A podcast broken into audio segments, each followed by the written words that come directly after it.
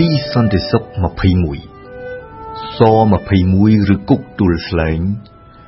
គឺជាគុកធំជាងគេបង្អស់នៃរបបខ្មែរក្រហម ក្នុងចំណោមគុកផ្សេងផ្សេងទៀតជាច្រើន នៅពីពេញប្រទេសពីឆ្នាំ1975ដល់ឆ្នាំ1979នៅគុកទួលស្លែងនេះ ដែលជាអតីតអនុវិទ្យាល័យមួយនៅខាងត្បូងទីក្រុងភ្នំពេញ ពួកយោធាខ្មែរក្រហមក្មេងៗប្រមាណជាង100នាក់ក្រោមការដឹកនាំរបស់កាំងហ្គេចអ៊ីវហៅដុចសួរចម្លើយនិងធ្វើទារុណកម្មមុននឹងយកទៅសម្លាប់ចោលនៅទីបំផុត អ្នកទោសជាង20000នាក់ក្នុងនាមជាគុកកណ្ដាលនៃអំណាចកណ្ដាលទួលស្លែងមិនដូចគ្នាសោះឡើយទៅនឹងគុកខ្មែរក្រហមដទៃផ្សេងនៅតាមបណ្ដាភូមិភាគឬបណ្ដាតំបន់នានា ខុសគ្នានៅត្រង់ថាដូចមេគុកទួលស្លែង ដែលត្រូវរីកាជាបន្តបន្ទាប់ទៅឲ្យថ្នាក់ដឹកនាំកម្ពុជានៃរបបកម្ពុជាប្រជាធិបតេយ្យ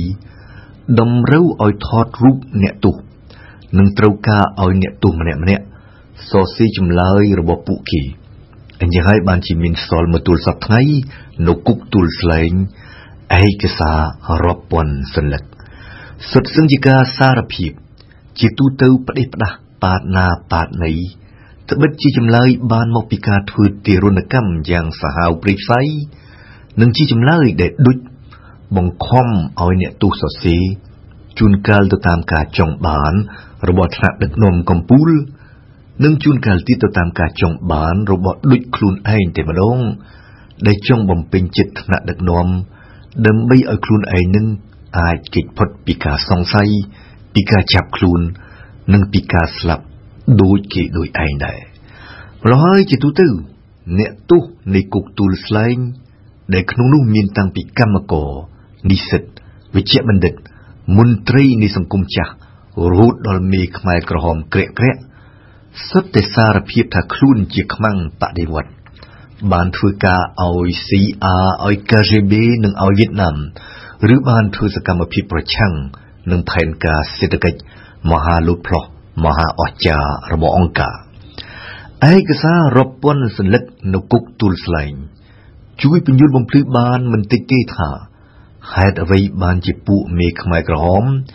យកការកាប់សម្លាប់រង្គាលមកធ្វើជាការដឹកនាំប្រទេសពីឆ្នាំ1975ដល់ឆ្នាំ1979មែនទែនទៅពួកប៉ុលពត នួនជាអៀងសេរីសុនសែនខៀវសំផនឡាមានទម្លាប់កាប់សម្លាប់តាំងពីសម័យសង្គ្រាម1970 1975មកម្លេះមូលហេតុម្យ៉ាង គឺពួកគេខ្លះដូចជាពលពតនិងនួនជាជាដើម ដែលធ្វើបដិវត្តនឹងរងទុក្ខវេទនារាប់ឆ្នាំនៅក្នុងព្រៃមុននឹងក្លាយជាមេដឹកនាំប្រទេសភ័យខ្លាចបាត់បង់អំណាចទៅវិញណា រហូតដល់មើលឃើញមនុស្សនៅជុំវិញពួកគេទាំងអស់ថាសុទ្ធសឹងជាខ្មាំងឬជាខ្មាំងសក្តានុពលមូលហេតុម្យ៉ាងទៀតគឺពួកមេខ្មែរក្រហមតែងតែខ្លាចមិត្តជាងខ្លាចសត្រូវនៅត្រង់ថារហូតដល់សង្គ្រាមផ្ទុះឡើងនៅឆ្នាំ1970វៀតណាមខាងជើងកុម្មុយនីសនិងចិនកុម្មុយនីសដែលជាសម្ព័ន្ធមិត្តរបស់ពួកគេ មិនព្រមផ្ដល់អាវុធឲ្យពួកគេធ្វើបដិវត្តទេ តែបែរជាទៅគ្រប់គ្រងរបបសង្គមរាជនិយមរបស់សម្ដេចសៀនុទៅវិញមិនតែប៉ុណ្ណោះពួកមេខ្មែរក្រហមដែលដឹងថាបកកុម្មុយនីសខ្មែរមានឫសគល់ចេញពីបកកុម្មុយនីសឥណ្ឌូចិនមិនដែលទុកចិត្តពួកកុម្មុយនីសវៀតណាមសោះឡើយហើយលាក់បាំងការស្អប់ខ្ពើមរបស់ពួកគេចំពោះវៀតណាមជានិច្ចហើយចឹងហើយដែរបានជាពួកមេខ្មែរក្រហមតែងតែចាត់ទុកពួកខ្មែរវៀតមិញ ដែលរស់នៅវៀតណាម តាំងពីឆ្នាំ1954មក ថាជាពួកក្បាលយួនខ្លួនខ្មែរគឺការខ្លាចមិត្តជាងការខ្លាចសត្រូវនេះហើយដែលជំរុញឲ្យពួកមេខ្មែរក្រហមតែងតែអនុវត្តយុទ្ធសាស្ត្រពីរទន្ទឹមគ្នានៅម្ខាងពួកមេខ្មែរក្រហមចងសម្ព័ន្ធភាពជាមួយសត្រូវឬពឹងពាក់អ្នកដែលពួកគេស្អប់ខ្ពើមដូចជាពឹងពាក់វៀតណាមខាងជើង ឬក៏ចងសម្ព័ន្ធភាពជាមួយពួកខ្មែរវៀតមិញ និងពួកខ្មែរសីហនុនិយមនៅម្ខាងទៀតពួកមេខ្មែរក្រហមកំទេចសម្ព័ន្ធមិត្តឬសត្រូវសក្តានុពល ដើម្បីបង្ការកុំឲ្យអ្នកទាំងនេះ មានឱកាសក្បត់ពួកគេនិងក្បត់បាក់ទន់នៅខ្លួននេះខ្មែរក្រហមកាប់សម្លាប់ពួកខ្មែរវៀតមីងនិងពួកខ្មែរស៊ីអនុនិយមសឹងអស់មុនថ្ងៃជោគជ័យ 17មេសា1975និងក្រោយមកទៀតពីខែមេសា1975រហូតដល់ខែមករា1979ខ្មែរក្រហមបន្តកាប់សម្លាប់ពួកខ្មាំងនិងពួកខ្មាំងសក្តានុពលនៅភ្នំពេញនិងនៅតាមភូមិភាគនានាពីពេញប្រទេស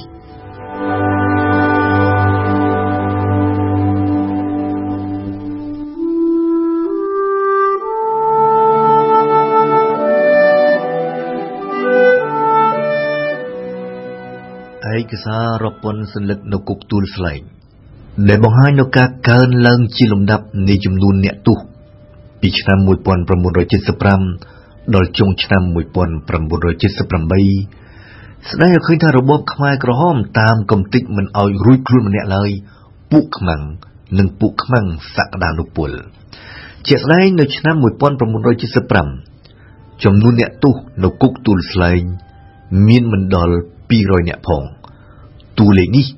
កើនដល់2200នាក់នៅឆ្នាំ1976ដល់6000នាក់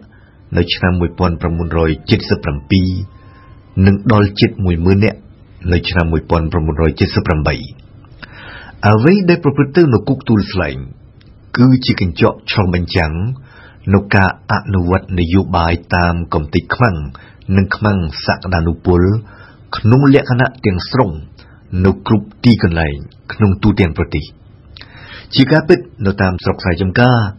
គុកឬទីកន្លែងធ្វើទារុណកម្មផ្សេងផ្សេងគ្មានបន្សល់ទុកនៅឯកសារដូចនៅគុកទួលស្លែងទេនៅតាមភូមិភាគនានាមាននៅសល់តែរណ្ដៅរួមរាប់ពាន់